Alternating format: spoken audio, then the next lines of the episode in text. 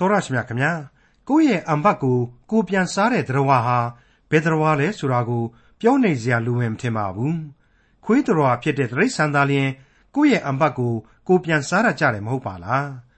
လူတွေဟာကိုယ့်အံဘတ်ကိုကိုပြန်မစားပါဘူးဒါပေမဲ့လို့လူမိုက်တွေဟာသူတို့ရဲ့မိုက်မိုက်မဲမဲအကျင့်တွေကို ပြန်ပြီးလှုပ်လေလှုပ်ထရှိကြပါတယ်ဒါဆိုရင်ကိုယ့်ရဲ့အံဘတ်ကိုကိုပြန်စားတဲ့ခွေးတရိษံနဲ့အတူတူပဲလို့မဆိုနိုင်ပေဘူးလား မိုက်မဲတဲ့သူတွေပြစ်မှားတတ်တဲ့သူတွေဟာ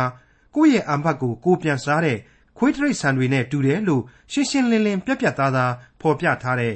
ခရိယန်တမန်ကျမ်းဓမ္မဟောင်းကျမ်းပိုင်းတွေက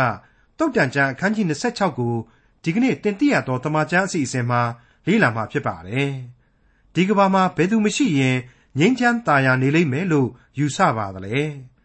ထင်းမရှိရင်မိသေးသလို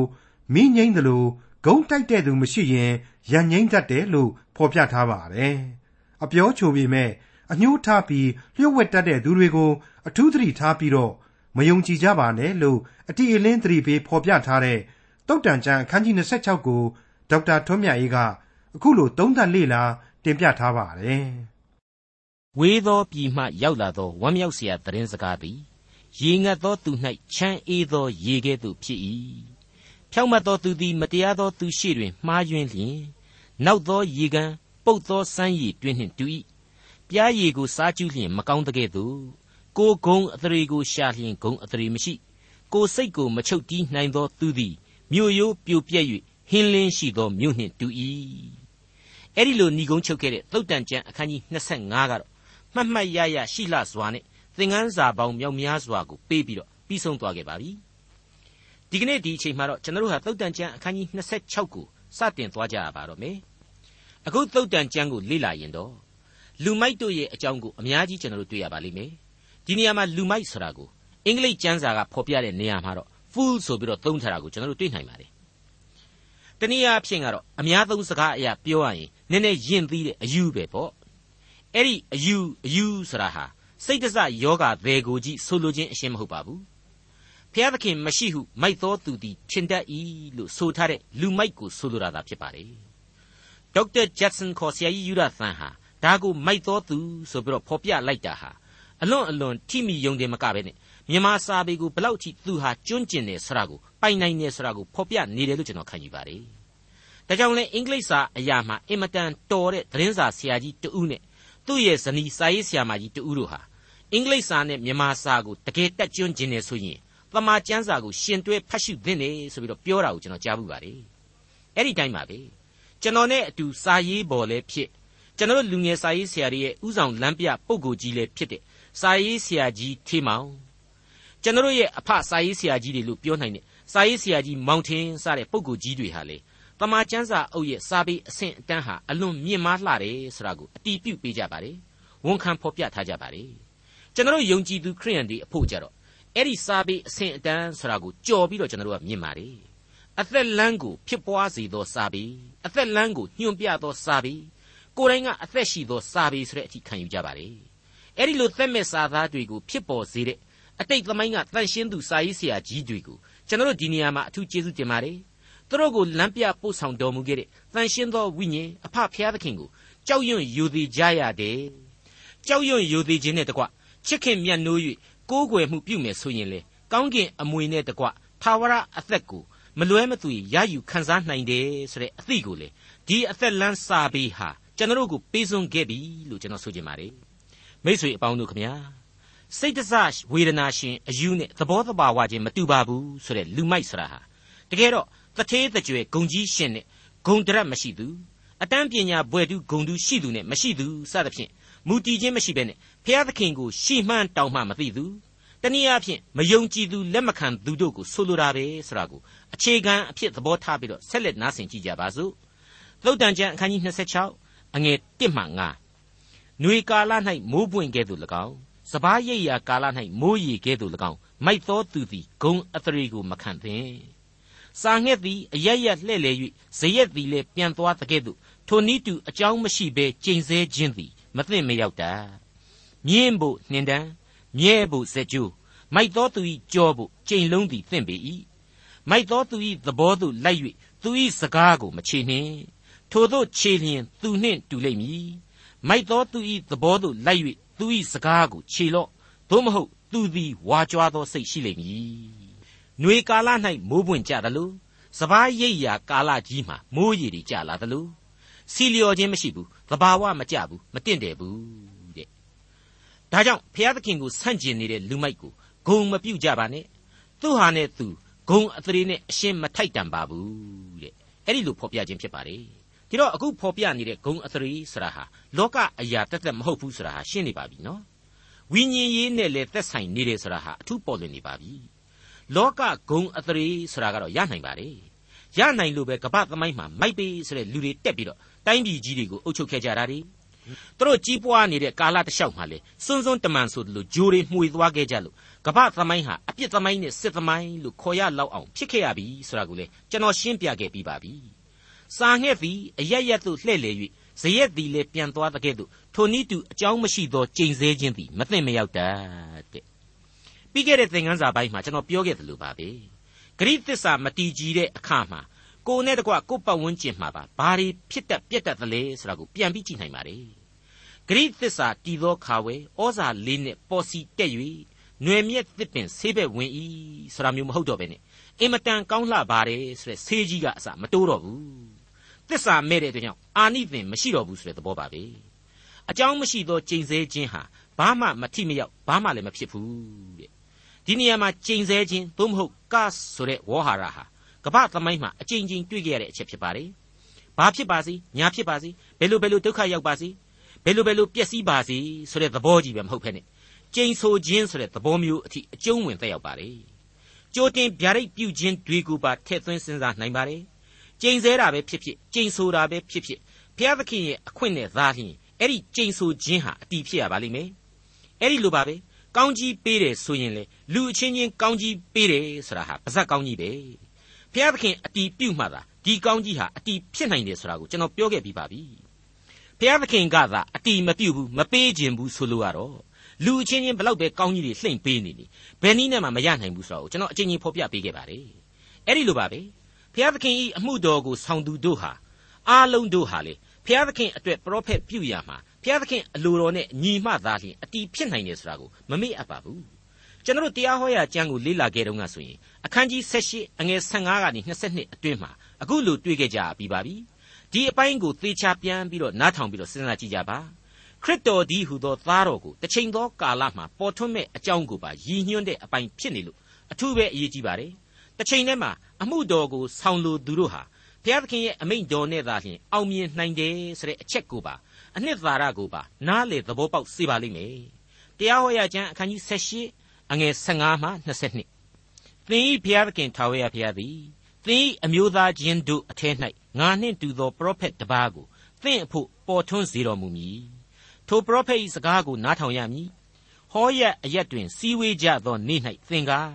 နောက်တဖန်အကျွန်ုပ်ဖျားသခင်ထာဝရဘုရား၏စကားတော်အသံကိုမကြားရပါစေနှင့်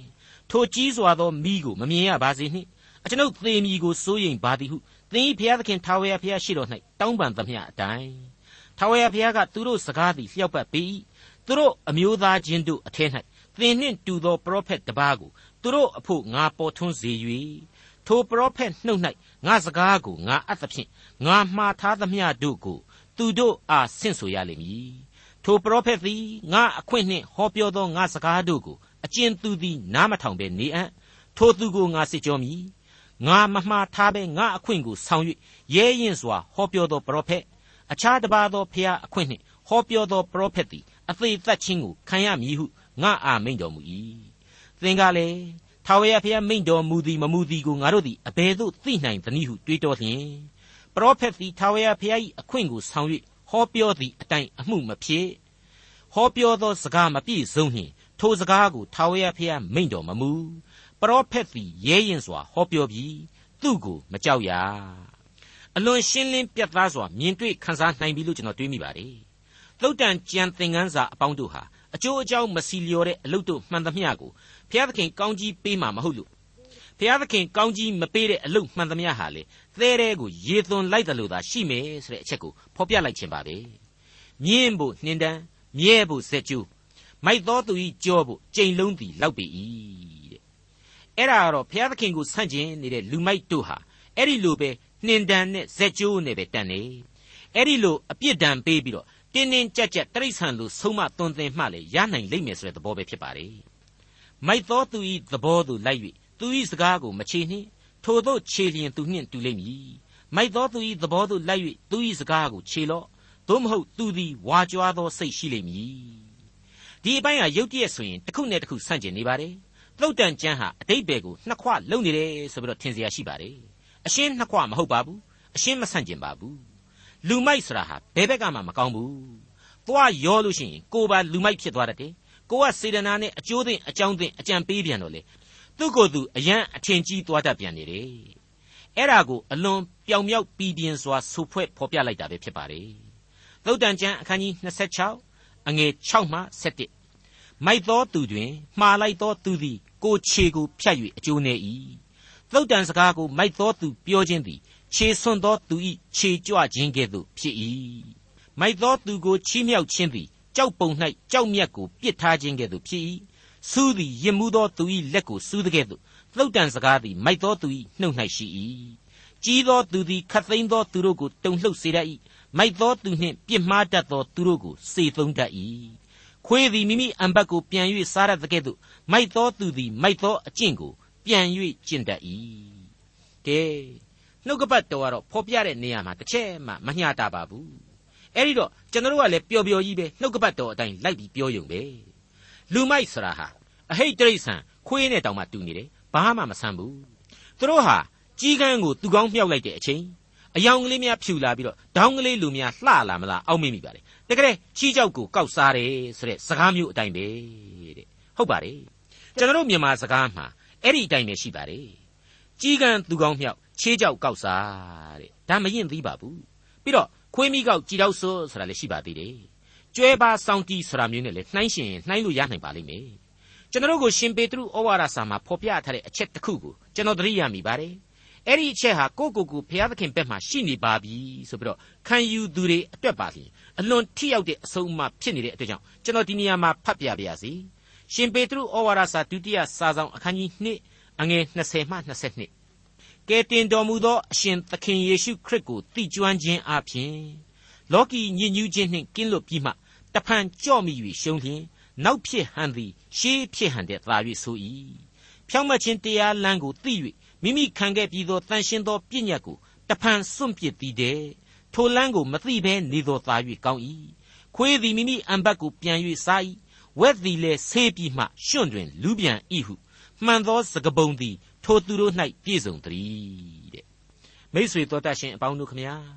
အဖဖရဲ့အိမ်တော်ကနေဝေးစွာသောပြည်ကိုသွားပြီးတော့အမှောင်ကြီးလုံလုံကြခဲ့ရတဲ့ပျောက်သောသားရဲ့ဥပမာအကြောင်းကိုမှတ်မိကြမယ်ထင်ပါတယ်ပျောက်သောသားဟာဝက်စာကိုတောင်မှစားကျင်လောက်အောင်မိုက်မှားခဲ့ရတယ်ပျက်စီးဆုံးရှုံးသွားခဲ့ရတယ်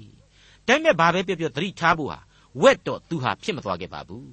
သူဟာလူသားဖြစ်ပါတယ် ဖျားသခင်အတွက်လေပျောက်သောသားအဆင့်အတန်းကနေတပြားမှရော့မသွားခဲ့ပါဘူးပျောက်သောဝဲ့ရည်လို့အမိမတွင်ခဲ့ပါဘူးအားလုံးကိုခြုံငုံသုံးသပ်လိုက်မယ်ဆိုရင်တော့ယုံကြည်ခြင်းရှိသောသူတို့အတွက်ဒီသင်ခန်းစာတွေဟာအသုံးဝင်သလိုဖျားသခင်ကိုမယုံကြည်သူတွေအတွက်လည်းပြင်းထန်စွာသတိပေးနေတဲ့ဩဝါဒများပဲဖြစ်တယ်လို့ကျွန်တော်ခံယူလိုက်ပါတယ်သုတ်တန်ကျမ်းအခန်းကြီး26အငယ်7ငါသည်ပညာရှိ၏ဟုထင်သောသူရှိလျင်ထိုသူ၌မျှော်လင့်စရာအခွင့်ရှိသည်တဲ့ မိုက်သောသူ၌သာ၍မျှော်လင့်เสียရှိ၏ကျွန်တော်ပြောခဲ့တဲ့အတိုင်းတွေကိုပဲအတီးပြုတ်ပေးလိုက်ခြင်းပဲလို့ကျွန်တော်ခံယူပါတယ်ယုံကြည်ခြင်းရှိရာကပင်ဖြင့်လူသားဟာမိုက်မှားသွားတတ်တယ်လမ်းလွဲတိမ်ပါခြင်းဖြစ်တတ်တယ်ဆိုတာကိုအခိုင်အမာဖွင့်ပြောလိုက်တဲ့အတူတူပါပဲသုတ်တန်ကျမ်းအခန်းကြီး26အငယ်73မှ79ပြင်းရည်သောသူကအိမ်အပြင်မှရှင်သိရှိ၏လမ်းတို့၌ရှင်သိရှိ၏ဟုဆိုရ၏တကယ်ရွက်သည်စရွေး၌လဲတဲ့ကဲ့သို့ ပြင်းရည်သောသူသည်အိယာပေါ်မှလဲတတ်၏ပြင်းရည်သောသူသည်မိမိလက်ကိုအိုး၌သွင်းတော်လေတဖန်နှုတ်၍မိမိပါဇက်ကိုခွန့်ရလျင်စိတ်ညစ်တတ်၏ပြင်းဤသောသူကငါသည်အကျိုးအကြောင်းကိုပြရသောသူခုနှစ်ယောက်တည်းသာ၍ပညာရှိသည်ဟုကိုကိုကိုထင်တတ်၏ဒီအပိုင်းမှာရှင်သေးကိုဖော်ပြတာဟာအကောင်းဘက်ကမဟုတ်ဘဲနဲ့ဥပမာပုံဆောင်လိုက်တာပါပဲဒါဝိမင်းကြီးဟာကိုယ်တိုင်ရှင်သေးကိုခံပြီးတတ်ခဲ့ဘူးသလို သူ့ရဲ့ထိတ်တန်းအာဇာနည်တွေထဲမှာလေတယောက်သောပုဂ္ဂိုလ်ဟာရှင်သေးနဲ့တူတဲ့ရန်သူကိုသတ်ဝင်တယ်ဆောင်းနှင်းတွေကိုတောင်မှမကြောက်ဖ ೇನೆ ရှင်သေးတွင်တဲ့အထိဆင်းပြီးတော့ရှင်သေးကိုတပ်ဖြတ်ခဲ့တယ်ဆိုတာတွေကိုဓမ္မရာဇဝင်အခန်းကြီး23ထဲမှာအထင်ရှားတွေ့ရပါတယ်အဲ့ဒီဓမ္မရာဇဝင်ဒုတိယစာဆောင်အခန်းကြီး23အငယ်21ဝန်းကျင်မှာကြည့်လိုက်မယ်ဆိုရင်အထူးသဖြင့်ပြုတ်ဘူးသောကတ်စီလမြို့သားသူရဲကောင်းယောယဒဤသား ဘေနာယသည်လေရှင်သေးနှင့်တူသောမောဘလူနှစ်ယောက်ကိုတတ်၏ဆောင်းကာလ၌လည်းအခြားသို့သွား၍မြေတွင်း၌ရှိသောရှင်သေးကိုတတ်၏ထူးခြားသောအေဂုတ်ထုလူကိုလည်းတတ်၏အေဂုတ်ထုလူသည်လှံကိုကင်တော်လေဘေနာယသည်တောင်ဝေးကိုသာကင်လျက်သွား၍အေဂုတ်ထုလူလက်မှလှံကိုလူယူပြီးလျှင်ထိုလှံနှင့်သူ့ကိုတတ်၏ထိုသို့သောအမှုတို့ကိုယောယဒသာဘေနာယပြု၍သူရဲသုံးယောက်အဝင်နေရာကိုရ၏ ဘိုးများတဲ့သာ၍မြတ်တော်လေပထမသူရဲသုံးယောက်တို့ကိုမမီဒါဝိဒ်သည်အတွင်းဝန်ချုပ်အရာကိုလည်းပေး၏ဒီအပိုင်းမှာညံနဲ့ဆင်ခြင်ပြီးတော့လွှာပြီးတော့အဖြေကိုထုတ်မယ်ဆိုရင်တကယ်တကယ်တော့သာရုတစ္ဆာရှိသောငယ်သားကောင်ဆိုတာဟာဘုရားသခင်အပေါ်မှာလေးလေးနက်နက်တစ္ဆာခံရမယ်တာဝန်ဝတ္တရားကိုအလေးအနက်ကြည်ပြင်းရမယ်ဆိုတဲ့အချက်တွေကိုဖော်ပြထားပါပဲအခုသုတ်တန်ကျမ်းကဖော်ပြချက်ကတော့အဲ့ဒီသူရဲကောင်းဘာနေရနဲ့ပြောင်းပြန်ဖြစ်နေပြီ အလုတ်ကိုလက်ကြောတက်အောင်မလုပ်ချင်ဘူးအမျိုးမျိုးကြီးကြပြီးတော့တစ်ချိန်လုံးအိမ်ငိုက်နေတာပဲတဲ့အဆိုးဆုံးကတော့ကိုကိုကိုတော့ပညာရှိတယ်လို့တောင်မှထင်လိုက်သေးတယ်ဆိုပဲမိษွေတို့ကျွန်တော်တို့အသက်တာတွေမှာပညာရှိတယ်လို့ကိုထင်တဲ့ပုံကိုကြီးတွေကိုတွေ့ဘူးမှာပါအဲ့ဒီပညာရှိပုံကိုကြီးတွေဟာဘယ်နှယောက်များစောင့်ချုံပြီးတော့တစ်ချိန်လုံးမှိန်းနေကြတာကိုတွေ့ရဘူးလို့လေအကုန်လုံးဟာအတွေးအခေါ်မှာပညာရှိတယ်အလုတ်အကင်မှာလည်းပညာရှိတယ်ဇွဲသက်တီလည်းရှိကြတာကြီးပဲ အိုမင်းရင်ရော်တဲ့အထိသူတို့ဟာအချိန်ကိုလေးစားတန်ဖိုးထားကြတယ်ဆိုတာကိုကျွန်တော်တို့တွေ့ရတာကြီးပါပဲသုတ်တန်ကျမ်းအခန်းကြီး26အငယ်16မှ20လမ်း၌လျှောက်သွား၍မိမိမဆိုင်သောအမှုကိုရောနှောသောသူသည်ခွေးနေရွက်ကိုကင်ဆွဲသောသူနှင့်တူ၏ငါကြည်စားယုံမျှသာပြုသည်ဟုဆိုလျက်မိမိအိမ်နီးချင်းကိုလှည့်စားသောသူသည်မိစမြားသေဘေးကိုပြစ်တတ်သောအယူနှင့်တူ၏ခင်းမရှိလျင်မိသေးတတ်တဲ့ကဲ့သို့ ဂုံးတိုက်သောသူမရှိလျင်ရန်ငိမ့်တတ်၏စောစောကလူမိုက်အပေါင်းတို့ရဲ့စီရင်ဝင်လူသားတွေရဲ့အကြောင်းကိုအသေးစိတ်ဖော်ပြပါတယ်အဲ့ဒီလိုလူမျိုးတွေဟာဘယ်လိုနေတတ်ထိုင်တတ်ကြတယ်ဘယ်လိုအကျင့်စရိုက်တွေရှိကြတယ်ဆိုတာကိုဆက်လက်တွေ့မြင်ရပါတယ်စောစောပိုင်းကသင်ခန်းစာမှာဆိုရင်အဲ့ဒီလိုလူမိုက်ဟာခွေးတရိတ်ဆန်နဲ့တူတယ်ဆိုပြီးတော့ရင်းရင်တီးတီးနှိုင်းထားတယ်အခုကျတော့အလုတ်မရှိအလုတ်ရှာပြီးတော့ခွေးနေရွက်ကိုသွားကင်နေတယ်ယူတူတူပေါ်တော်တော်နဲ့ပောက်ကရတွေရှောက်လောက်တာကိုပြောတာပါပြီးတော့ ပါဇက်ကိုလည်းစီးမဆောင်ဘူးတောင်ပြောမြောက်ပြောတွေရှောက်ပြောတော့သူများတွေအချင်းချင်းကြားမှာရန်နေထပြီးတော့ဖြစ်ကုန်ကြတယ်ဆိုပါလားဘယ်ဘက်ကမှမကောင်းတဲ့အတိတ်ပဲပေါ့ကျွန်တော်ကြားနာခဲ့ရတဲ့အငယ်20ကိုပါယူပြီးတော့အငယ်22အထိဆက်လက်ဖတ်ရှုပြပါရစေအောင်ထင်းမရှိလျင်မိသေးတတ်တဲ့ကဲ့သို့ဂုံးတိုက်သောသူမရှိလျင်ရန်ငိမ့်တတ်၏မိခဲချင်းပြုတဲ့ကဲ့သို့၎င်းထင်းသည်မိကိုမှွေးတဲ့ကဲ့သို့၎င်းရန်တွေးတတ်သောသူသည်ခိုက်ရန်မှုကိုပြုစုတတ်၏ ဂုံးတိုက်သောသူ၏စကားသည်မိန်သောခဲပွေစားပွေကဲ့သို့ဖြစ်၍ဝန်းအတွင်းသို့ဝင်တတ်၏အဲ့ဒီလိုယူတူတူပေါ်တော်တော်နဲ့ပြောတာလေးတွေကိုပဲလူတွေကလည်းသဘောတွေပဲကြပြီးနေတတ်တယ်ဆိုတဲ့သဘောကိုဒီနေရာမှာတွေ့ရတယ်ရည်စရာမကောင်းဘူးလားအဲ့ဒါဟာလူရဲ့ဗီဇသဘာဝဒီကနေ့ကဘာမှာလဲလှည့်ကြည့်လိုက်ရင်နှုတ်ကပတ်တော်ဆိုတာကိုသာမကြိုက်ချင်ကြတာဘယ်နိုင်ငံကဘယ်မင်းသမီးနဲ့ဘသူနဲ့ဘာဖြစ်တာဘယ်မင်းသားနဲ့ဘသူနဲ့လိုက်ပြေးတာစတဲ့စတဲ့အကြောင်းတွေဟာ လူလောကကြီးတစ်ခုလုံးကိုသွမ်းခြုံနေတယ်လူတွေကလည်းအဲ့ဒါမျိုးဆိုရင်ပြုံးနေအောင်နားထောင်တတ်ကြတယ်ဆိုတာတွေ့ရပါတယ်ဒီနေရာမှာမြန်မာလိုဓမ္မသချင်းစာအုပ်ထဲကအမှတ်319အပြစ်သွေးဆောင်ရာသို့မလိုက်မပါနှင်းဆိုတဲ့သချင်းကလေးကိုကျွန်တော်သွားပြီးအောက်မေ့မိပါတယ်အဲ့ဒီထဲကပထမအပိုက်မှာဆိုရင်လေအပြစ်သွေးဆောင်ရာသို့မလိုက်မပါနှင့်တခါလျင်သင်အောင်မည်နောက်တခါအောင်မည်ရဲရင်စွာတိုးတက်လေဒေါသကိုချုပ်တီးယေရှုကိုမျှော်ကြည့်လေသင်ကိုလမ်းပြမည် အားပေးမဆတော်မူရန်ကယ်ချွတ်ရှင်ကိုဆုတောင်းလေသင်ကိုလမ်းပြဆောင်ယူရန်အသင့်ဆောင်လျက်နေပြီတဲ့အဲ့ဒါဟာအပြစ်လန်းကိုမလိုက်ပါနဲ့လူဆိုးတွေနဲ့မပေါင်းကြပါနဲ့မသိင်းကြပါနဲ့ဆိုတာကိုသတိပေးလိုက်ခြင်းပဲဖြစ်ပါတယ်တခါအဲ့ဒီသိချင်းမှာပဲဒုတိယအပိုက်ကြပြန်တော့အခုသုတ်တန်ကျမ်းကဖော်ပြထားတဲ့မဟုတ်တန်တရားစကားတွေကိုပြောမနေကြပါနဲ့အဲ့ဒီဖရုဒ္ဓဝါစာတွေနဲ့သာအချိန်ကုန်ခံမနေကြပါနဲ့ဆိုတာကိုအခုလိုဆက်လက်ဆိုဖွဲ့ပေးထားပါတယ် မကောင်းမိတ်ဆွေရှောင်လေစကားရုပ်ယွန်ရှာကိုတော်နာမယူသည်ချီးနှီးမသုံးရစိတ်အားကြီးသတိရှိကျင်နာခြင်းရှိလေယေရှုကိုမျှော်ကြည့်လေသင်ကိုလမ်းပြမည်တဲ့မိษွေတော်တတ်ရှင်အပေါင်းတို့ခမညာလူသားရဲ့သဘာဝလူသားတို့ရဲ့ဗီဇာဆရာတွေဟာဖျားသခင်ဖန်ဆင်းပြီးတော့အပြစ်လောကကိုဆင်းသက်သွားရတဲ့လူသားရဲ့ဗီဇသဘာဝတရားသာဖြစ်ပါတယ်အဲ့ဒီတရားဟာလည်းနောက်ဆုံးမှာမြေကြီးသားတို့ရဲ့ခရီးဆုံး သေခြင်းစီအထိရောက်စေတယ်ဆိုတာကိုဘယ်လို့မှမငြင်းနိုင်ပါဘူးဒါပေမဲ့ယုံကြည်သူတို့ဟာဒီတရားသဘောကိုသိလေလေ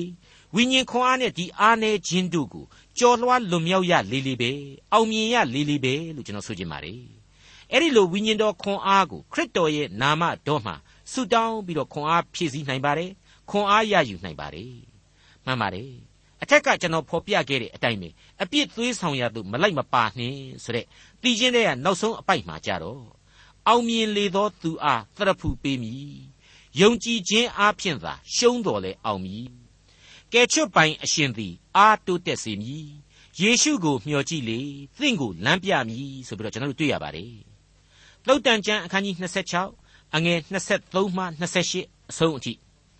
ချစ်အားကြီးသောနှုတ်နှင့်ဆိုးညစ်သောစိတ်နှလုံးသည်ချော်မွမ်းမံသောအိုးချမ်းနှင့်တူ၏အညှိုးထားသောသူသည်နှုတ်ဖြင့်လျှို့ဝှက်၍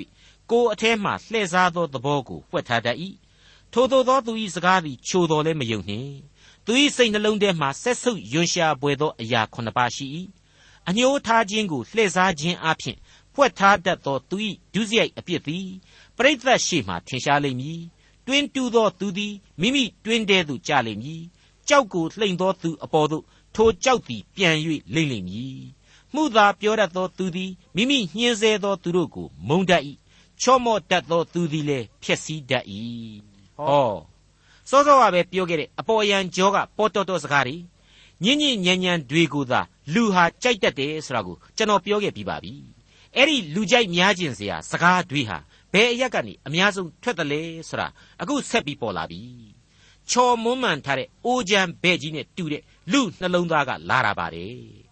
ဓမ္မစာပေမှာအိုးဆိုတာဟာလူသားကိုဖော်ပြထားတာပါပဲ အဲ့ဒီအိုးထဲမှာမှဘုရားသခင်ရဲ့ဝိညာဉ်တော်ကိုခံယူမယ်ဆိုရင်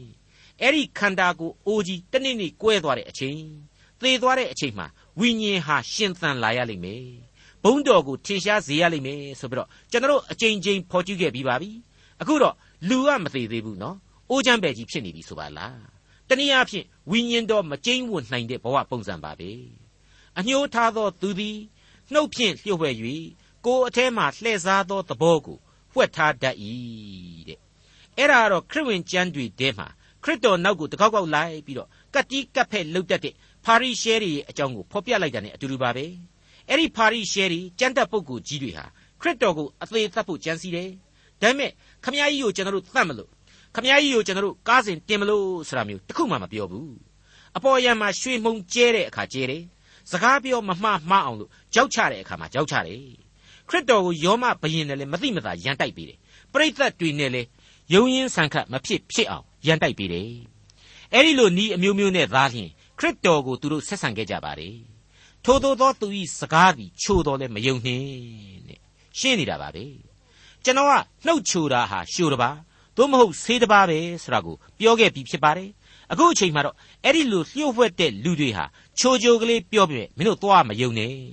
သူတို့ပြောလိုက်သမျှတွေဟာအပေါ်မှာတရားဖုံးထားတဲ့အစိတ်တွေပါပဲတဲ့မိတ်ဆွေအပေါင်းတို့ခမညာအသင်းတော်နဲ့သာသနာအဖွဲ့အစည်းကြီးတွေအားလုံးဟာဒီလိုအစိတ်ပါတဲ့လူတွေကိုသတိနဲ့ရှောင်ဖို့လိုပါတယ်ဒီလူတွေကိုနားမယောင်ဖို့လည်းအထူးပဲအရေးကြီးပါတယ်အဖွဲ့အစည်းဟာအင်အားကြီးလေလေသတိထားရလေလေပဲလို့ကျွန်တော်ဆိုချင်ပါတယ်စာရမဏတ်ဟာခရစ်တော်ရဲ့သက်တော်စဉ်မှာအရေးပါအရာရောက်ဆုံးအချိန်နဲ့အရေးပါအရာရောက်ဆုံးနေရာဌာနတွေကိုမှ လိုက်ပြီးတော့ဥတီတိုက်ခိုက်ခဲ့သေးတယ်ဆိုတာကိုစင်ကျင်တုံတရားထားပြီးတော့သတိတရားရတဲ့လှပါတယ်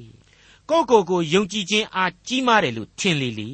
ကိုဟာသတိထားရမှာဖြစ်လေလေပဲဆိုရင်လည်းမမှားပါဘူးကျွန်တော်ဥပမာတစ်ခုပေးခြင်းပါတယ်ပိုက်ဆံအတုတွေလုတ်တယ်ဆိုပြီးတော့ကျွန်တော်တို့ကြားဘူးပါတယ်အဲ့လိုကြားရတိုင်းမှာဘယ်လူဆိုးခိုင်းကမှတမတ်ငါးမှုကိုအတုမလုပ်ပါဘူးအ ਨੇ ဆုံးယာရန်လောက်ကိုသာလုပ်ပါတယ်အမေရိကန်ဒေါ်လာမှလည်းဒီလိုပါပဲ ဒေါ်လာ20တန်ကစပြီးတော့ယာတန်အထိကိုသာအတုလုပ်ပါတယ်အပွားကြံတာပေါ့အသေးလေးတွေရှောက်လုပ်နေရင်လေမြန်မြန်အဖမ်းခံရမယ်လေမြန်မြန်ထွက်တော့မြန်မြန်ပေါ့မယ်မဟုတ်ဘူးလားဒီတော့အကြီးစားကြီးတွေကိုကင်လှုပ်ပြီးတော့အပွားကြံကြတာပါပဲဣသရာဝတ္ထုရဲ့အာမလက်အနွယ်ဝင်ဟာမန်ဆိုတဲ့လူဟာဣသရေလတမျိုးလုံးရေမော်ရကဲဆိုတဲ့လူရေဣသရာဆိုတဲ့ဂျူးဣသရေလမိဖုရားကြီးရေကိုမှဒုက္ခမရောက်ရောက်အောင်ကြံစီခဲ့သေးတယ်ဆိုတာကိုလေကျွန်တော်တို့ဒီနေရာမှာဆင်ခြင်တုံတရားထားဖို့လိုအပ်လာပါတယ် အဲ့ဒီလူတွေစီမှာထာဝရဘုရားဆက်ဆုပ်တော်မူပွေသောအရာခုနှစ်ပါးရှိတယ်တဲ့ခုနှစ်ကနန်းကိုပြန်ပြီးတော့သတိရစေခြင်းပါတယ်မကောင်းတာမှန်သမျှအကုန်လုံးအကျုံးဝင်စေတဲ့ကနန်းလို့လည်းကျွန်တော်ဖော်ပြခဲ့ပြီးပါပြီအညှိုးထားခြင်းကိုလှည့်စားခြင်းအပြင်သူ့ဇယိုက်အပြစ်တွေကိုထင်ရှားလာစေမိတယ်ခဲ့နေတာကတော့အဲ့ဒီလိုအပြစ်ဒုစရိုက်ထင်ရှားတဲ့ကြားထဲမှာပဲအပြစ်လူသားအပေါင်းတို့ဟာသူ့ကိုများမြောက်ပင့်ပေးနေကြလိမ့်မလားသူနဲ့ရောရောင်ပြီးတော့ ကိုပါလူလိန်လူညာဖြစ်လို့နေမှာလားဆိုတဲ့စိုးရိမ်ပွေသောအချက်ပဲဖြစ်ပါတယ်ဒီအကြောင်းကိုရှင်လုကာခရစ်ဝင်တဲကပုံပြင်ဥပမာကလေးနဲ့တိုက်ဆိုင်စဉ်းစားသင်လာပါတယ်အဲ့ဒီပုံပြင်ကိုတော့ခရစ်တော်ကိုတော်တိုင်ရှင်လုကာခရစ်ဝင်ကျမ်းအခန်းကြီး16အငယ်1ကနေ8အတွင်းမှာကြည့်ရင်တွေ့နိုင်ပါလိမ့်မယ်တပည့်တော်တို့အားတဖန်မိန့်တော်မူသည်ကားငွေရတတ်သောသူတစ်ယောက်၌ဗန္တာဆိုးရှိ၏ထိုဗန္တာဆိုးသည်သခင်၏ဥစ္စာများကိုဖျက်ဆီးသည့်အကြောင်းကိုသူတစ်ပါးတို့သည်သခင်ရှိ၌အပြစ်တင်ကြသော သခင်သည်ဗန္တာဆိုးကိုခေါ်၍သင်၏အမှုအရာ၌ငါကြားရသောစကားကအဘယ်သို့နည်းဗန္တာဆိုးအရာ၌မှတ်သားသောစည်းရင်းကိုပေးလော့ယခုမှစ၍ဗန္တာဆိုးမလုပ်ရဟုဆို၏ထိုအခါဗန္တာဆိုးကငါသည်အဘယ်သို့ပြုရမည်နည်းငါ၏သခင်သည်ဗန္တာဆိုးအရာကိုနှုတ်လေပြီ